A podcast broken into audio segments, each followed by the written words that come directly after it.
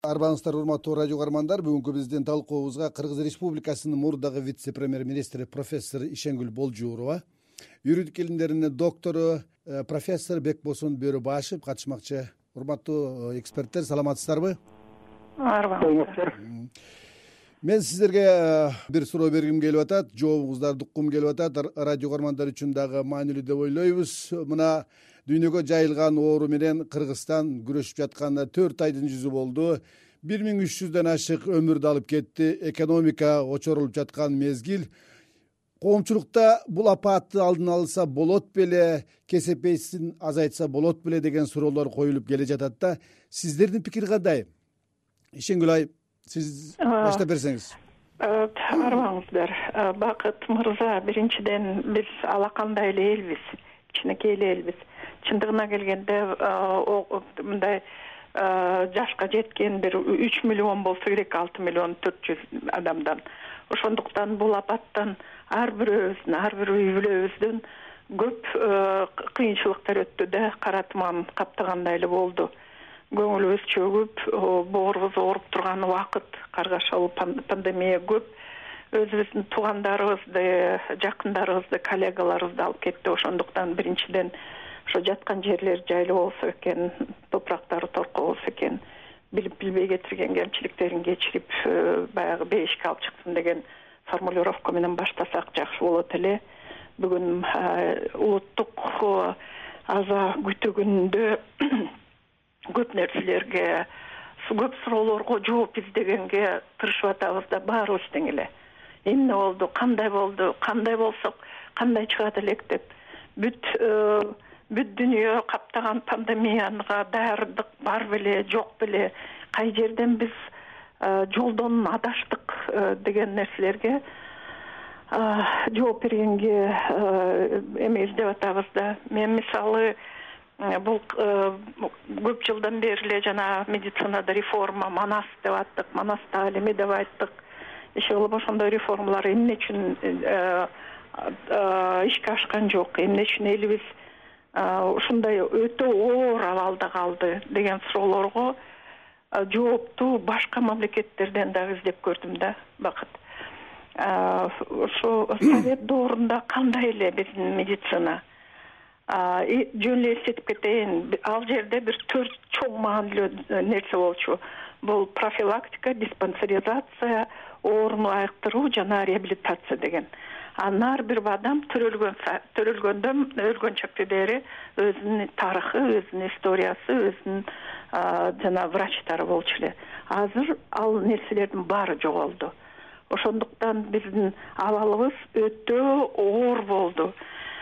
Жана ооруканаларыбыздын кейпин азыр өзүбүз көрүп ушунчалык боорубуз ооруп ушунчалык жинибиз келип кыйналып аткан убакыт менин оюмча бүгүн биз э, ошо көп суроолорго жооп издегенде эмне кылышыбыз керек? Өзүбүздүн адамдык пейилибизди инсандык нерселерибизди кандай кандай жаңы философияга өткөзүш керек? Ошолорго жооп беришибиз керек го э? Мисалы э, бакыт урматтуу жигиттер мен бир эки үч жыл белоруссияда жашадым элем. Азыр кмш өлкөлөрүндө баарында тең эле оор убакыт болду. Бирок белоруссиянын мисалын алып көрсөк бул шумдуктуу бир нерсе болду да. Бул жерде мурун эле даярданышты. Булар кытайлар менен катташып алардан билип европада эмне болуп атканын билип алар даярданышты эмне үчүн белоруссия эң эле жеңил чыкты? Менин оюмча бир нече бир нече себептер менен. Биринчиден алар совет системасынын медицинасын сактап калган. Это биринчи.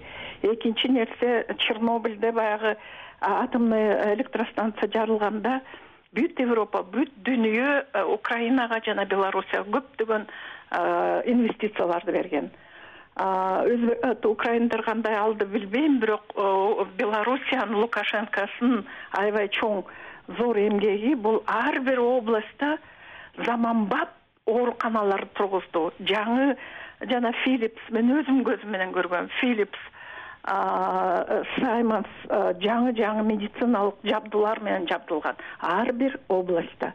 Ар бир областка жер салып жол салып берип ар бир ошол жерде жашаган адамдар жыл сайын ошол чернобыльдин акчасы менен жыл сайын грецияга италияга испанияга барып эс алып келишет. Мына даярдык деген мамлекет жөнүндө эл жөнүндө ойлогон кандай болот? Дагы бир нерсени айтпасам просто күйүп кетем да. Минскийдин алдында токойдун ичинде бир чоң чүркөө бар. Христиандын чүркөөсү.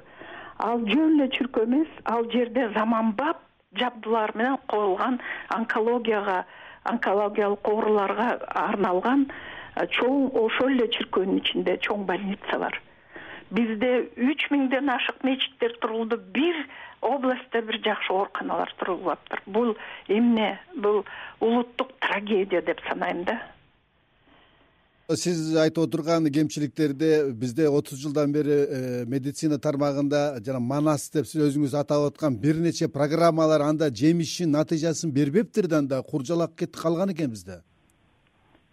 Наоборот мына азыр э, тиги э, санап көрсөк жанагы коечные места деп коет биз отуз жылдын ичинде элибиз эки миллионго көбөйдү бирок коечные места советский убакытка караганда үч эсе азайыптыр. Үч эсе азайыптыр. А больницалар болбосо каяктан азыр могу доорканаларды мектептерде коюп атабыз жана обсервация деп. Дневной стационар вечерний стационар деп ресторандарда эмне гана коюп атпайбыз. А если ошол темп менен илгерки темп менен калтырып койсок албетте отуз жылдын ичинде бул проблема бүгүнкү эле пайда болгон жок. Отуз жылдын ичинде келип келип атып ушу жарылгандай бомба жарылгандай эле болду да. Рахмат бекболсун агай маза болуп атам. Мына ушул сөздү улантсак э, каптаган илдет менен күрөшүүдө бул өкмөттүн дарыгерлердин даярдыгы уюштуруучулук иши жоопкерчилиги жөнүндө дагы катуу сындар айтылып атпайбы да маселе ушул дарыгерлерде эле болдубу же дагы башка бир уюштуруу маселелеринде э, болуп калды дейсизби? Эми биринчиден бүгүн баягы улуттук аза күтүү күнү болгондуктан мен бүт калкыма элиме айрыкча жакындарын жоготкон бир туугандарга көңүл айтат элем да. Бул чоң жоготуу болду. Жанагы бир миң үч жүз деп атканыбыз баягы эле эсепке түшкөн болуп окшойт анан дагы көбүрөөк го деп ойлойм да. Көбөйбөй эле койсун бирок ошо кайрат кылыңыздар бул биринчиден. Экинчиден ар кандай нерседен биз жыйынтык чыгарышыбыз керек. Жакшылыктан да жамандыктан дагы. Мына бүгүн көтөрүп аткан маселеңер ушул болуп атпайбы? Чтобы келечекте ушундай трагедия болбосун элде журтта деген эсеп менен биз ошонун жыйынтыгын туура объективдүү чыгарып беришибиз керек да. Бийлик бийлик эмес тигиндей мындай дегей ушуну объективдүү чыгарыш керек. Бул экинчи маселе бул чоң маселе. Эми бүгүнкү күндөгү проблема кайдан чыкты? Бүгүнкү күндөгү могу медицина тармагындагы ушул апат боюнча илдет боюнча бул деген кечээ эле пайда болгон жок бул биздин акыркы отуз жылдагы кыргыз мамлекетинин эгемендик алгандан берки кыргыз мамлекетинин социалдык саясатынын начардыгынан чыкты. Мына жогору жакта шеңгүл болжуровна абдан туура айтып кетти. Мына бизде медициналык борборлор курулган жок тиги э, ооруканалар курулган жок каралган жок. Ошон үчүн бул бүгүнкү күндү биз уже өзүбүз даярдадык бүгүнкү тескери көрүнүштөрдү отуз жылдан бери даярдап келип туруп анан ошонун жыйынтыгын мына бүгүн көрүп атабыз. Ошон үчүн мамлекет социалдык саясатты айрыкча медицина тармагы боюнча кайра карап чыгыш керек.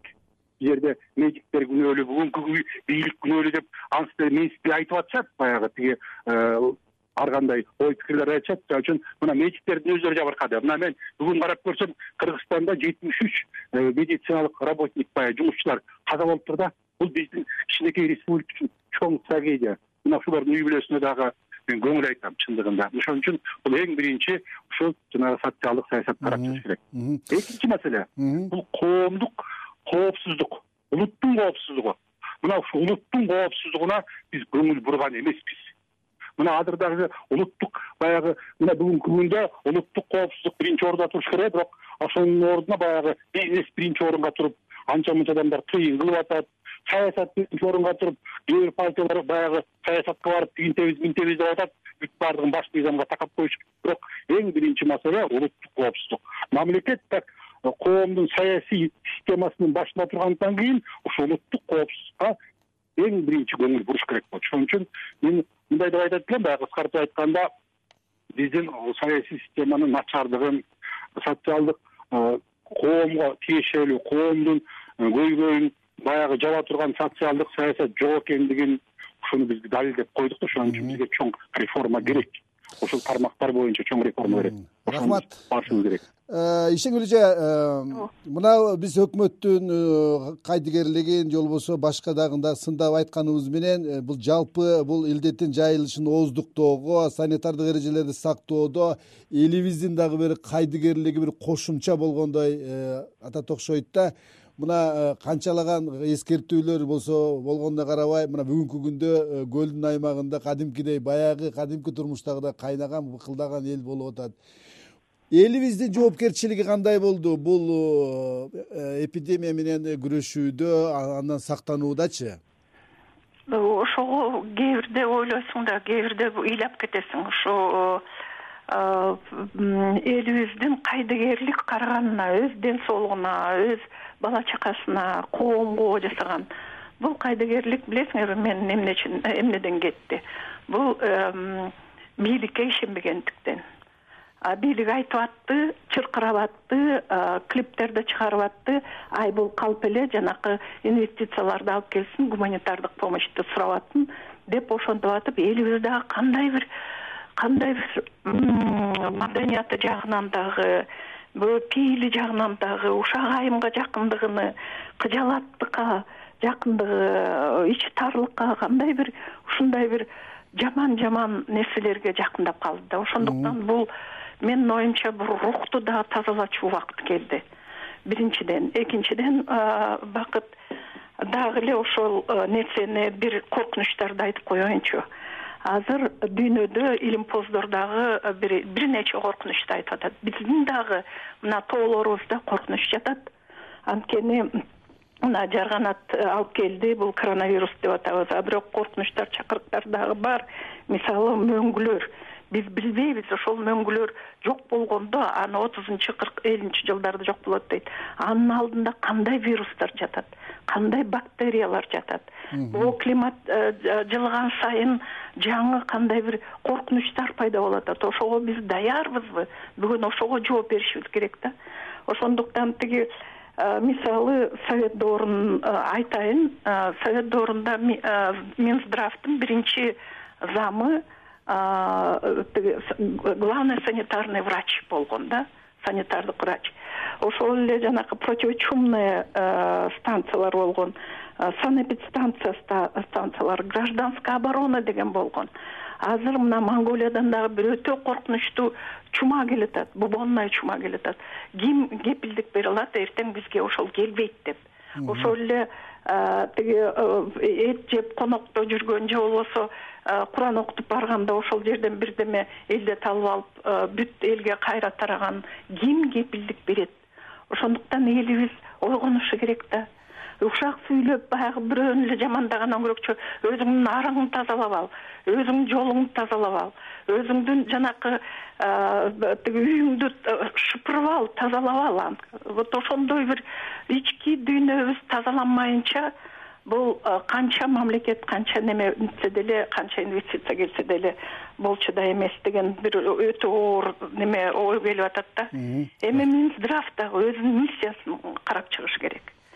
Бакыт менин оюмча ар бир райондо өзүнчө илгери карта бар болчу да медицинская карта болезней деген ар бир райондун өзгөчөлүгү бар. Бир жерде фтор жетпейт бир жерде йод жетпейт бир жерде суук бир жерде мочь половое бир жерде жүрөк оору бир жерде тиги легочный заболеваниялар. Ошолордун баарына тең адаптация жасаган жаңы ооруканаларды э, э, салыш керек. Ошолорго жабдууларды э, киргизиш керек. Ковидтин экинчи волнасы келет деп атат. Ошондуктан чоң айылдарга хотя бы жанакы мобилдүү же болбосо чоң райондорго мобилдүү ооруканаларды куруш керек. Ал жакшы эле сен иштерден да жасап неметсе болот да. Мына россиянын примери кытайдын мисалдарын алып алып жазсак болот. Өтө э, азыр күн түн дебей өкмөт дагы элибиз дагы армиябыз дагы эмне болсо баарыбыз тең иштешибиз керек. Анткени бул экинчи волна мүмкүн мындан дагы оор болот. Анан мүмкүн дагы жаңы оорулар кошулат. Ошондуктан менин оюмча бул азыр бир бир чоң тарыхый бир бурулушта турабыз. Же жок болобуз же болбосо өнүгүп кетебиз деген. Ошондуктан баарыбыз биригип бул улуттук азаттык күн деген эмне? Бул жөн эле э, бири бирибизге көңүл айтып коюп бири бирибизге нерсе айтпаш бул элибизди бириктирүү күнү. Бул тарыхта кайсы мамлекетте азат азаттык күн тиги күн болгондо мунун баары тең улутту бириктирүү маселеси турган. Ушул бүгүнкү күн ошол маселеге ошол күч ойго жеттиби жеткен жокпу. Бул дагы чоң маселе болуп атат Э, бекбоздон агай э, сиз жана айттыңыз э, бул бүгүнкү кырдаал кыргызстандын отуз жылдык тарыхындагы социалдык саясатынын жемиши деп тырмакчы дагычы. Сиз айтсаңыз бул апааттан биздин өкмөт биздин бийликтегилер кандай сабактарды алышы керек? Өзүңүз айтып отургандай өлкөнүн социалдык гуманитардык тармагындагы саясатты кантип өзгөртүшүбүз керек? Кечиктирилбей чече турган кайсы маселелер бар дейсиз эми жогору жакта шеңгүл болжоровна баягы уюштуруу жагын медициналык жагын айтып кетти. Мен ушу жашоонун өзүнүн идеологиясын өзгөртүш керек деп ойлойм. Мисалы үчүн мына бизде коомдук жүрүш туруш коомдук мамилелердин эрежелери болот да жалпычы любой коомдо жүрүш туруштун мамилелердин эрежеси болот. Мына ошол эрежени мамлекеттик бийлик иштеп чыгат. Анан жана биз улуттук элита деп атпайбызбы? Ошол улуттук элита элге алып чыгат биз азыркы убакта баягы акыркы убакта ушу эл өзү күнөөлүү эл тигиндей колун жуубай койгон маска тагынбай койгон деп элди күнөөлөп атабыз да.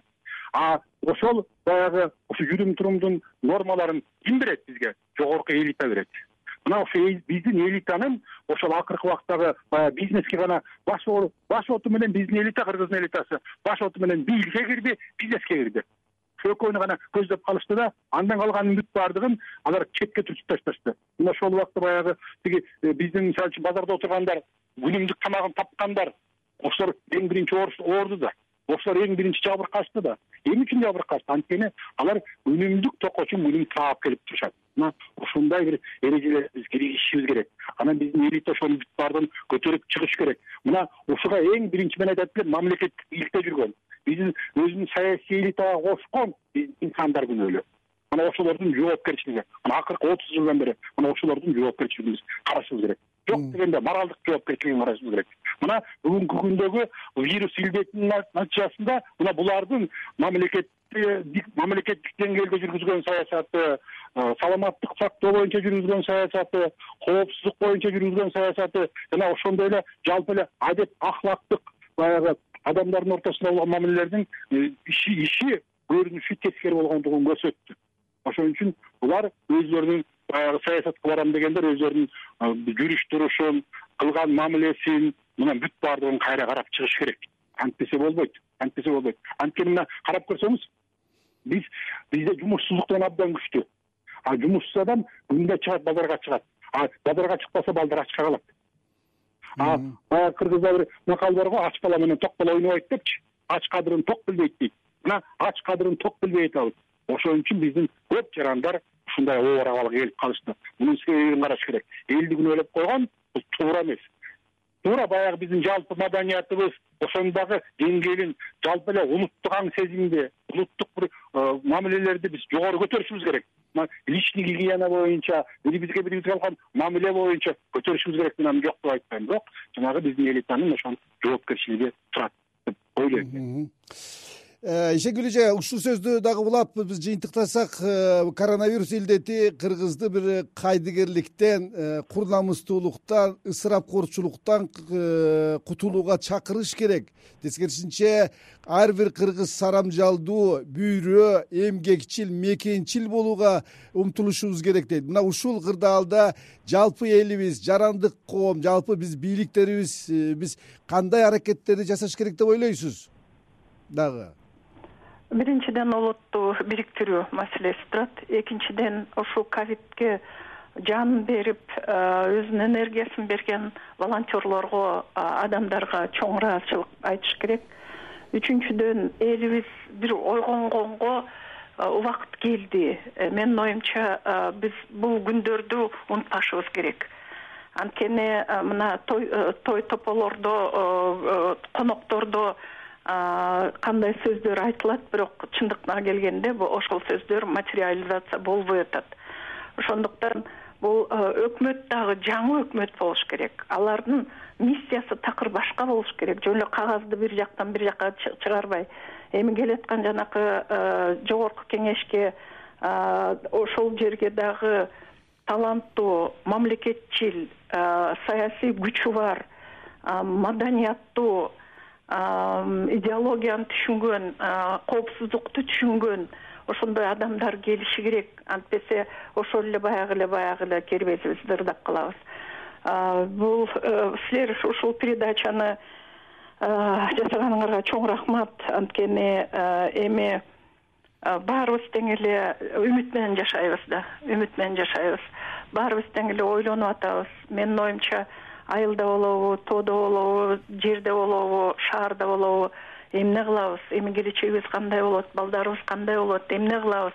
Деп бир нерсеге дагы ойлонуп кетиш керек да. Ар бир мамлекет пандемияда өз өзүнүн гана мамлекети жөнүндө ойлоп калды. Ошондуктан жана чоңдор болобу адамдарыбыз болобу өзүбүздүн гана мамлекетибиз жөнүндө ойлошубуз керек кандай кылышыбыз керек кандай көтөрүшүбүз керек кандай могу сабактарды алышыбыз керек. Эмне э, э, тиги бүгүнкү күн менен жашабай эртең эмне болот? Ошону перспективаны оңдошубуз керек менин оюмча. Ошондо гана кыргыз элибиз кылымдар боло келаткан кыргыз элибиз эл катарында мамлекет катарында калат го деп ойлойм рахмат урматтуу радио каармандар бүгүн биз дүйнөнү каптаган илдетти кыргызстанда алдын алса болот беле анын залакасы кесепеттерин жеңилдетсе болмок беле. Эпидемия менен күрөштө өкмөттүн жоопкерчилиги кандай болду? Бул апааттан эл кандай сабактарды алыш керек? Улуттун саламаттыгын биримдигин чыңдоодо. Кыргызстанда мындан ары кандай гуманитардык э, социалдык саясат жүрүшү керек? Жарандык коомдун коом кандай аракеттерди көрүшү керек деген темалардын тегерегинде кеп кылдык. Бүгүнкү биздин талкуубузга кыргыз республикасынын мурдагы вице премьер министр профессор ишенгүл болжуурова юридика илимдеринин доктору профессор бекболсун бөрүбашев катышты берүүнү мен бакыт оорунбеков алып бардым. Кайрадан эфирден саламдашканча аман болуңуздар. Оорубаңыздар